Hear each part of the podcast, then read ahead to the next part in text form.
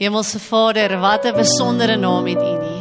Dankie Here dat ons U lof kan besing, dat ons hier op hierdie Palm Sondag, die begin van Lydensweek, eintlik die grootste week in ons kerklike jaar en ons lewens, Here, want dis die week wat U kom wys het hoe lief U vir die wêreld is, Here. Dankie dat ons hier saam kan kom alhoewel dit reën, dat ons nog steeds hier bymekaar kan kom of by die huis kan kyk en u woord kan hoor, Here. Dat ons u lof kan besing van u wat groot is bo almal, u wat Jesus is wat u lewe vir ons kom gee het. Here, dankie dat ons elkeen kan kom net soos ons is met ons vreugde in ons hart dalk oor lekker goed wat gebeur het of 'n besondere week wat vir ons voorlê.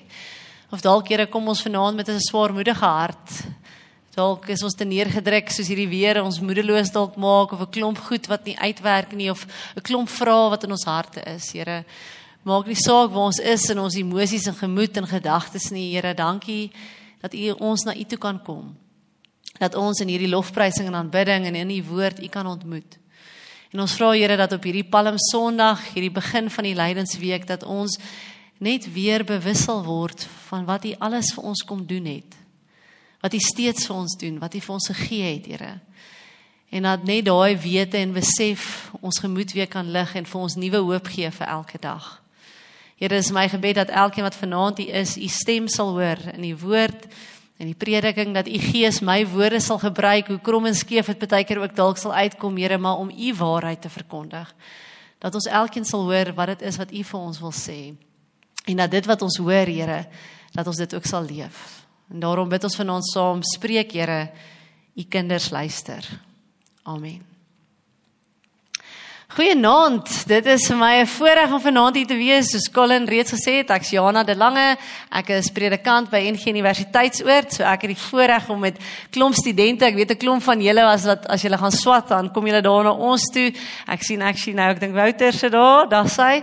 En ehm um, dis sommer net lekker om vanaand hier by julle te wees en die woord met julle te kan deel op Palm Sondag. En ehm um, Ja, ek hoop dat dit vir jou 'n besondere diens is. Dit is vir my lekker om hier te wees en mag die Here jou regtig ontmoet.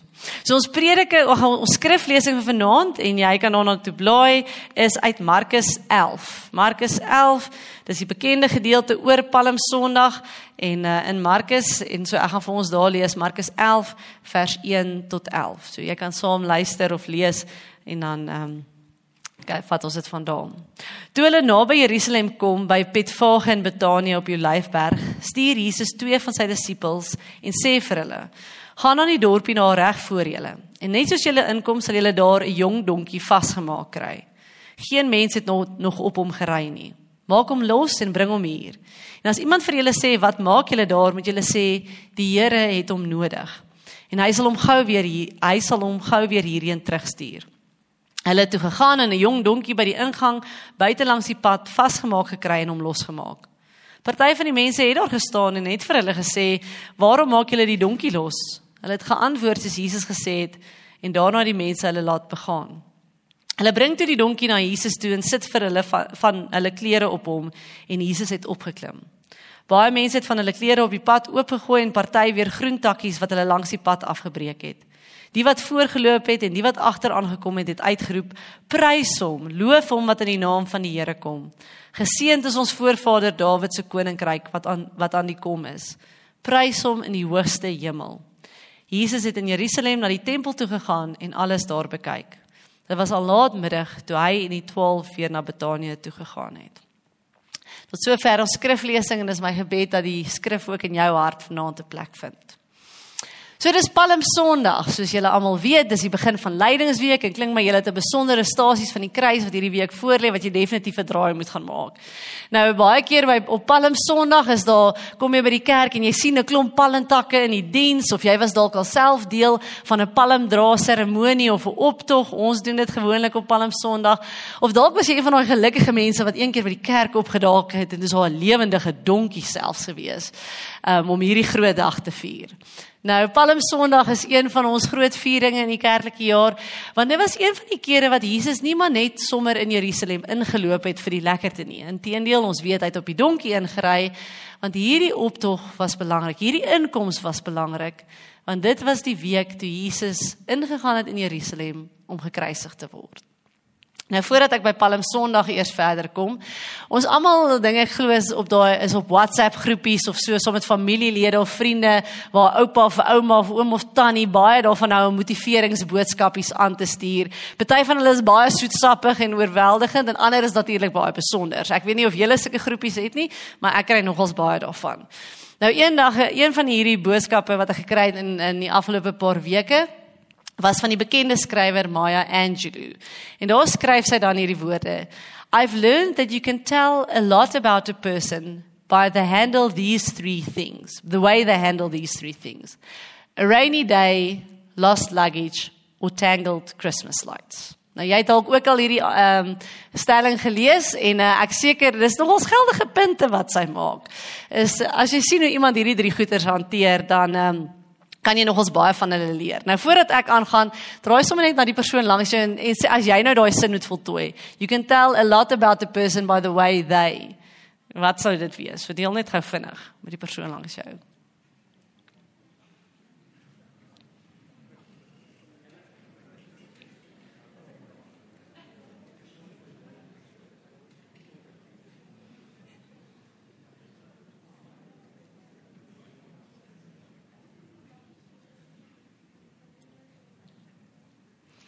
Nou, ek hopelik na die diens gaan julle nog tyd hê om bietjie te dink aan 'n paar oulike oulike eindes vir daai sin.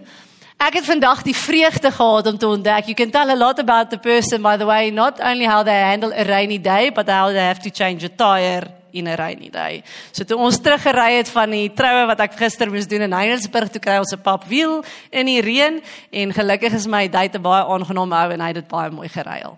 Ehm um, Maar ek en 'n vriend gesels toe nou in die week ook oor hierdie stelling en hy kom toe met die stelling op you can tell a lot about a person by the way they enter a room. Jy kan baie van iemand se persoonlikheid en karakter sê van hoe hulle in 'n vertrek instap of by 'n plek aankom. Dalk het jy al die geval gehad waar jy by 'n plek was met 'n gesaghebende figuur wat daar was, 'n groot rugbykaptein of 'n CEO van 'n maatskappy of dalk het jy al die president ontmoet. En uh, dan as hulle die kamer betree, dan ervaar jy net hier het nou iemand ingestap met gesag, iemand wat nou so half die ruimte van die hele vertrek opneem.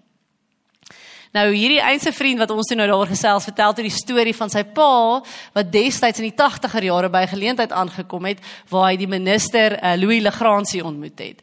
Vreeslike fancy affære en almal wat daar aangekom het by die by die funksie daar met sulke slap karre, baie duur karre met 'n drywer wat jou voor die deur aflaai en die deur oopmaak en dis hoe hulle daar aankom. Maar die minister self wat die belangrikste persoon was wat die dag nou by hierdie funksie moes opdaag, het toe sommer self daar met sy eie ou plaasbakkie daar aangery gekom in die gewone parkering parkeer en ingestap na die funksie toe. En as jy dan iemand met soveel gesag so sien inkom, dan besef jy, maar dit sê nogals iets. Dit sê iets van iemand hoe hulle by 'n plek aankom. Nou in Palm Sondag lees ons hoe Jesus by 'n plek in en aankom. Jesus was al baie bekend. Ons lees hy het al vir 3 jaar lank saam met sy disippels deur die uh, Galilea en Judea en so gewerk en sy bediening verrig. Hy het mense gesond gemaak en hy het altyd in die tyd 'n paar mense selfs uit die dood uit opgewek. Eintlik 'n besondere figuur teen hierdie stadium. En hoewel hy op hierdie Palm Sondag nie net instap soos hy gewoonlik het nie, kies hy wel om die stad maar steeds net binne te gaan op 'n doodgewone nederige donkie. Daar was niks spesiaal aan 'n donkie in daardie tyd nie. Dit was nie so duur of so besonder soos 'n perd en wat jy baie meer kon voorgebruik nie. Maar tog kies Jesus om die om Jerusalem daai dag in te gaan op 'n donkie. En dit sê nogals iets. Maar iets wat ons nie lees in hierdie storie nie, want dit word aanvaar dat uh, Markus se lesers wat hierdie verhaal sou gehoor het of gelees het, sou dit geweet het van daai tyd. Is op daardie selfde dag wat Jesus by ehm um, Jerusalem instap, is daar 'n ander optog wat ook of intog wat ook besig is om plaas te vind aan die weste kant van die stad. Op hierdie dag skryf geskiedskrywers vir ons, het Pontius Pilatus, die goewerneur van Judea, sou hy, hy ook 'n intog gemaak het in Jerusalem, maar nie op 'n donkie nie, nie met 'n groot groot fors van magte, maklik 300 soldate of op ruiters, ook op perde wat Jerusalem sou ingaan om juis die groot magsvertoon van die Romeinse ryk te wys teenoor Jerusalem. En heel moontlik sou hierdie klomp soldate op dromme ingemarseer het met mense wat net uit die pad uit moet hardloop om vir hulle plek te maak, want hier kom die mag van Rome in Jerusalem ingestap. En weer eens, die manier hoe hy daar aankom, dit sê nogal iets. Nou die berede vir beide Jesus en Pilatus se intog in Jerusalem daai dag was want dit was die begin van die Paasfeesvieringe hierdie week wat nou die 8 dae voor die Paasvieringe wat die Jode gevier het. Die belangrikste fees van die Jode in daardie tyd en dit was natuurlik om hulle slawerny uit Egipte uit te vier. So die Jode reg oor die land en reg oor die Romeinse ryk het daardie week saamgekom in Jerusalem om hierdie fees te vier. So die stad was stampvol. En Pilatus het gekom na hierdie stad toe juis om mag en orde te handhaaf. En Jesus het aan die ander kant van die stad ingekom om homself te kom gee. Kan jy jouself eintlik net indink hierdie kontras van die twee maniere hoe hulle inkom in die stad in.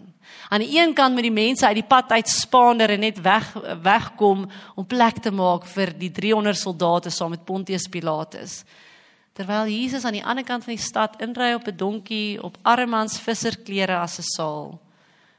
En daai dag sien ons uiteindelik is daar twee magte wat ontmoet in Jerusalem. En die manier hoe hulle die plek binne gekom het, Dit sê nogals vir ons iets van hulle. Nou Jesus se optrede weet ons was ook doelbewus. Want hy het geweet daar is natuurlik die profesie in Sagaria wat baie sou weet of dalk sou onthou wat iets sê van hierdie dag en ons lees dit in Sagaria wat beskryf hieroor. Jubel Sion, juig Jerusalem. Jou koning sal na jou toe kom. Hy is regverdig en hy is oorwinnaar.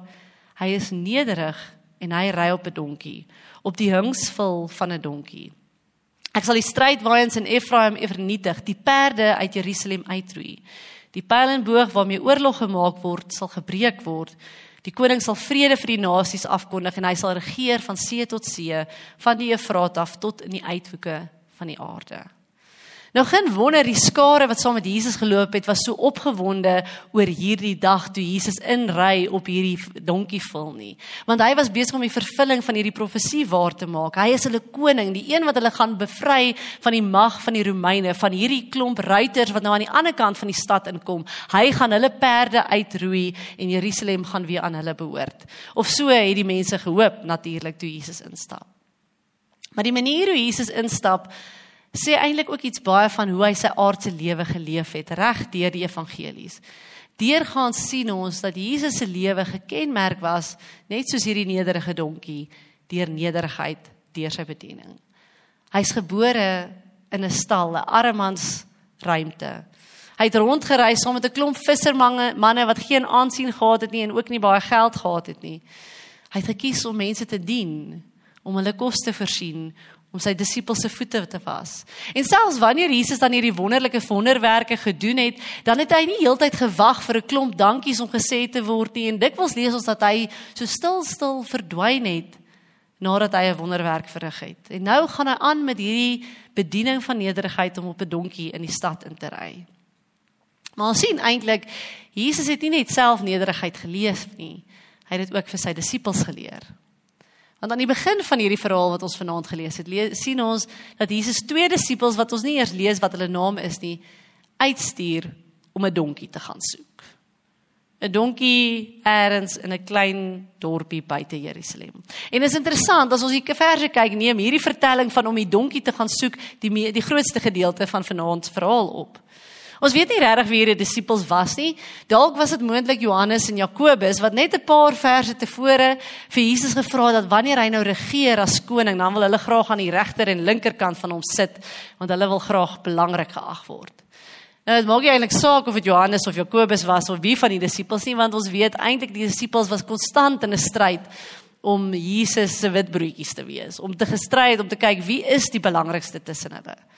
So eintlik op hierdie dag wat Jesus dan nou instap en as koning erken word deur die skare, 'n belangrike dag en 'n publieke dag in Jesus se bediening, is dit nogals ironies dat twee van die disippels op hierdie lastige taak ge, getaak word om nou te gaan soek vir 'n donkie. 'n Taamlike onromantiese en nie baie edel werk nie. Om nou te gaan na 'n klein dorpie in 'n veilstal dalk te gaan soek vir hierdie donkie. Hulle het moontlik gelyk soos 'n paar perde diewe wat nie eintlik iets besig is met goeie werk nie. En wie weet, dalk toe hulle nog die donkie gekry het, het die dier al die pad gebulk tot hulle hom by Jesus gebring het. Maar uiteindelik is die donkie dan nou daar waar Jesus by hom is en op op hom klim. Dalk was hierdie twee disippels soos hulle hierdie taak gekry het gedink Op hierdie belangrike dag is dit nou nie die taak wat ek myself sien opteken voor nie. I did not sign up for this. Maar tog soos ek sê, Markus maak 'n groot gedeelte van hierdie verhaal te vertel van hierdie donkie werk wat hulle moet doen. Want ja, die donkie was gereed en het vir Jesus gewag daar waar hy gesê het, maar iemand moes hierdie donkie gaan haal het. Ons kry mos sulke werkies. Sulke werkies wat begin met daai ding, ag, wil jy nie net gou dit of dat doen nie. Gou die plante nat maak of 'n gloeilamp vervang eers in die huis waar dit skaars onmoontlik is om daarby uit te kom nie. Honde kos gee of die hamster se hok skoon maak nie. Of by die werk, wil jy nie net gou die die paper jam uitsorteer of die wifi router gaan herstel of na hierdie persoon, die vrou met haar 20 katte by die huis se verhale luister nie. Of by die skool is jy daar omdat jy met hierdie irriterende ander leerling nou gou weer help met 'n moeilike wiskunde of 'n wetenskapsom. Of hierdie taakies wat net soos ag, ek wil nie eintlik net gou nie, maar ons moet dit maar doen. Ons weet dit voel nie altyd so belangrik nie. Nou dat dan nie die wêreld gaan verander nie. Maar eers moet dit gebeur. En by die kerk voel dit is dit ook so. Dit gebeur maar so vir ons as dominees ook. Meeste van ons as ons begin met die bediening is kom baie gemotiveerd en is oortuig ons gaan baie preek en of net preek en die wêreld verander binne die eerste 2 jaar van ons bediening. En dan kom jy as dominee ook agter maar jy moet ook maar soms die wifi router gaan aan en afskakel weer. Jy moet ook 'n paar keer net tafels ronddra tussen mense of by iemand in die hospitaal gaan kuier wat nie eintlik kan onthou wie jy is of weet wie jy is nie. Of dalk gou voor 'n doopdiens moet jy seker maak daar's warm water in die doopbak want iemand het vergeet om dit te doen. Of soos hierdie twee disippels uitgevind het om 'n donkie te gaan soek op 'n belangrike dag wat Jesus Jerusalem moet ingaan. En dis wat Jesus eintlik reg deur die Markus verhaal sy disippels geleer het. Hierdie donkie werk, hierdie nederigheidswerk, dat om God se koninkryk te bou is nie net altyd 'n groot vanvare en om in die spotlight te wees nie. Ons sien dit alselfs wanneer Jesus sy disippels geroep het. Natuurlik het hulle gedink toe hulle hom volg gaan hulle mense gesond maak en geeste uitdryf wat hulle ook gedoen het. Maar 'n klomp van die verhale in die evangelie vertel eintlik ook van disippels wat 'n boot moes regkry vir Jesus om te vaar na 'n ander dorp toe. Wat moet gaan uitvind of daar kos is vir 'n magtom mense wat besig is om te luister na Jesus. Wat 'n tafel maar moet gereed maak vir die Paasfees of wat 'n donkie moet gaan soek sodat Jesus op hom die stad in kan ry. Jesus het hulle regdeur geleer hoe 'n lewe van nederigheid lyk. En so op Palm Sondag vandag sien ons hierdie kontras van wêrelde. Van Jesus met sy nederige inkomste in die stad en Pontius Pilatus met 'n inkoms van mag. Maar ek dink as ons nou na hierdie verhaal kyk, wie het werklik die meeste mag gehad op hierdie dag? Pontius Pilatus met sy magt om soldate of Jesus op sy donkie. Want dit is maklik om intimiderend te wees en 'n groot magsvertoon te hê. Maar ware mag, soos wat ons weet wat Jesus kom wys het in sy lewe en in daai week van lydingsweek, kom wys vir ons dat ware mag lê nie in intimidasie nie, maar lê in liefde en opoffering en om jouself te gee. Ware mag lê daarin om ander te dien, om jou hart oop te maak om minder te wees, om iets vir jouself te gee, om selfs baie keer klein donkie werk te doen sodat ander iets van God kan sien. Soos iemand skryf eintlik die lewe van nederigheid is eintlik 'n lewe van die mag van diensbaarheid. Dit is soms om take te doen wat ons frustreer en ons moedeloos maak en dit voel nie noodwendig of dit 'n groot verskil maak nie. Maar die donkie was juis nodig ook vir Jesus om die profesie te laat waar word. Daai klein aksie het ook 'n aandeel gehad in Jesus se inkoms en intog in Jerusalem aan God se verlossingswerk wat daardie week begin het. Maar ons leef in 'n wêreld wat sê dit gaan oor die mag, oor die spotlight, om deur mense raak gesien te word, om baie likes op Facebook of op Instagram te hê. Dit gaan oor status, om titels te hê, om die regte mense te ken. En natuurlik neig ons ook almal daarna toe of het hierdie begeerte en behoefte om juis hierdie magsposisies te hê en om geken te word, om die belangrike werke te hê wat ander raak sien. Maar Jesus wys vir ons in sy lewe en ook in hierdie verhaal vanaand dat die teenoorgestelde waar is. Dat soms gaan dit eintlik nie eers net oor hoe jy by 'n plek aankom of en inkom nie, maar eintlik wat jy doen wanneer jy daar binne is. Want Pontius Pilatus het met sy groot mag ingekom en hy's reguit na die militêre paleis toe en het eintlik nie veel verrig daai week nie behalwe om 'n onskuldige man uiteindelik te kruisig. Jesus het ingekom op 'n nederige donkie en sy lewe gegee. Sy lewe vir die wêreld, vir my en vir jou. En daarom om Jesus se voorbeeld te volg is baie keer eintlik ook om nie eers 'n entrance te maak nie of 'n groot inkomste nie, maar baie keer is dit selfs om by die agterdeur in te gaan. Om agter die skerms te werk en hierdie klein take te doen terwyl ander mense voor is besig om die groot parade om die spotlight te kry maar uiteindelik ook nie net om daar aan te kom nie, maar oor wat jy doen wanneer jy daar is agter die skerms. En dis wat Jesus aan sy disippels geleer het en ook vanaand vir ons. God se koninkryk werk, dit wat God kom bou het op ons op ons aarde in ons wêreld, is juis ook soms hierdie donkie werk wat die disippels moes doen. Maar dis juis in hierdie klein taakies wat opgebou word en saamgevoeg word wat die grootste verskil gemaak word in die verhaal van God met sy mense. Want die donkie was nodig om die profesie te laat waar word. Dat ons ook opgeroep word om donkie werk baie keer of wat in ons so donkie werk is te doen. Dis om juist baie keer by iemand te gaan sit wie se lewe uitmekaar val en net hulle hande vashou en saam met hulle te bid. Om iemand wat lyk is of wat dalk niemand anders het nie te ondersteun en te vra hoe kan ek jou help? Dis om juist met daai persoon by die skool wat niemand anders mee praat nie te gaan gesels en te hoor hoe was hulle dag. Want niemand jou sien nie, dalk iemand langs die pad te help wat 'n paar band het of wat in nood is sonder dat jy erkenning daarvoor kry. Want dis wat ware Christendom is. Dis dit is om te leef ook daar agter die skerms, daar waar ons nie altyd gesien word deur ander mense nie, maar daar waar ons gesien word deur God in wat ons doen.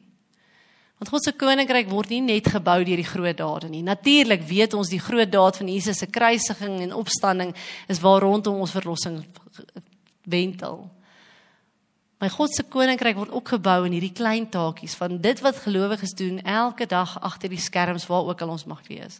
Dis daardie klein taakies wat ons wêreld aan mekaar hou en wat sagtheid in ons harde wêreld inbring. Op die ou einde is dit die klomp klein taakies van donkie werk van disippels van Christus reg oor die wêreld wat saamgevou word om God se groot verlossingswerk met ons wêreld en ons land tot vervulling te bring. So elkeen van ons waar ons onsself nog bevind, al voel ons dalk ons is besig met 'n klein nuttelose taakie wat maar as 'n donkie werk beskou kan word, is ons besig om 'n aandeel te hê aan God se koninkryk. En daarom moet ons nooit ophou om dit te doen nie. Want al voel dit soms minderwaardig, al voel dit soms klein, al voel dit soos 'n vuil werk, soos om 'n donkie te gaan soek in 'n vuilstal terwyl ander mense Jesus toejuig en raak sien. Wanneer ons dit doen, is ons besig om ook die pad vir die Here gereed te maak. Die pad gereed te maak dat hy nie net 'n intog maak in Jerusalem nie, maar dat hy 'n intog maak in ons harte en ook in die harte van die mense wat ons mee te doen kry. En uiteindelik daai dake, daai dade dit sê nogals iets. Dit sê ons dien die koning van die konings wat ook die koning wat op 'n nederige donkie die stal die pad van Jerusalem ingegaan het. Amen. Kom ons bid saam. Hemelse Vader, is 'n voorreg om vanaand weer net u woord te kan hoor. En op hierdie Palm Sondag nie net bewus te word van wat u kom doen het nie wat so groot en besonder is, Here. Dat u met u inkoms op 'n nederige donkie kom wys het dat die koning van die konings nog steeds so nederig en diensbaar is, Here, vir elkeen van ons. Dat u met hierdie intog ook weer vir ons kom wys het wat dit is wat u van ons vra om te leef. Dat ons ook geroep word om op 'n nederige wyse om te gaan met die dag dag tot dag take wat ons het. Here, ons weet ons wil ook soms meer erkenning hê en ons wil ook raak gesien word en ons voel soms ons moet groter en beter goed vir U doen, Here. Maar die twee disippels wat die donkie gaan soek het, het ook iets gedoen wat nood belangrik was vir die profesie en vir U intog in die in Jerusalem in. En daarom Here, hierdie klein taakies wat ons soms miskyk, wat ons soms versteur, wat ons soms vergeet van Here, is juis ook hoe U U koninkryk bou. Mag U daarom in hierdie heilige week wanneer ons weer bewus word van U wat kom dien het. U wat kom dien het in klein maniere soos om voete te was, Here, soos om te luister na 'n vrou by 'n put en ook in groot maniere om U lewe te gee aan 'n kruis mag ons dan ook bereid wees om op klein en groot maniere U te dien en U koninkryk so sigbaar te maak.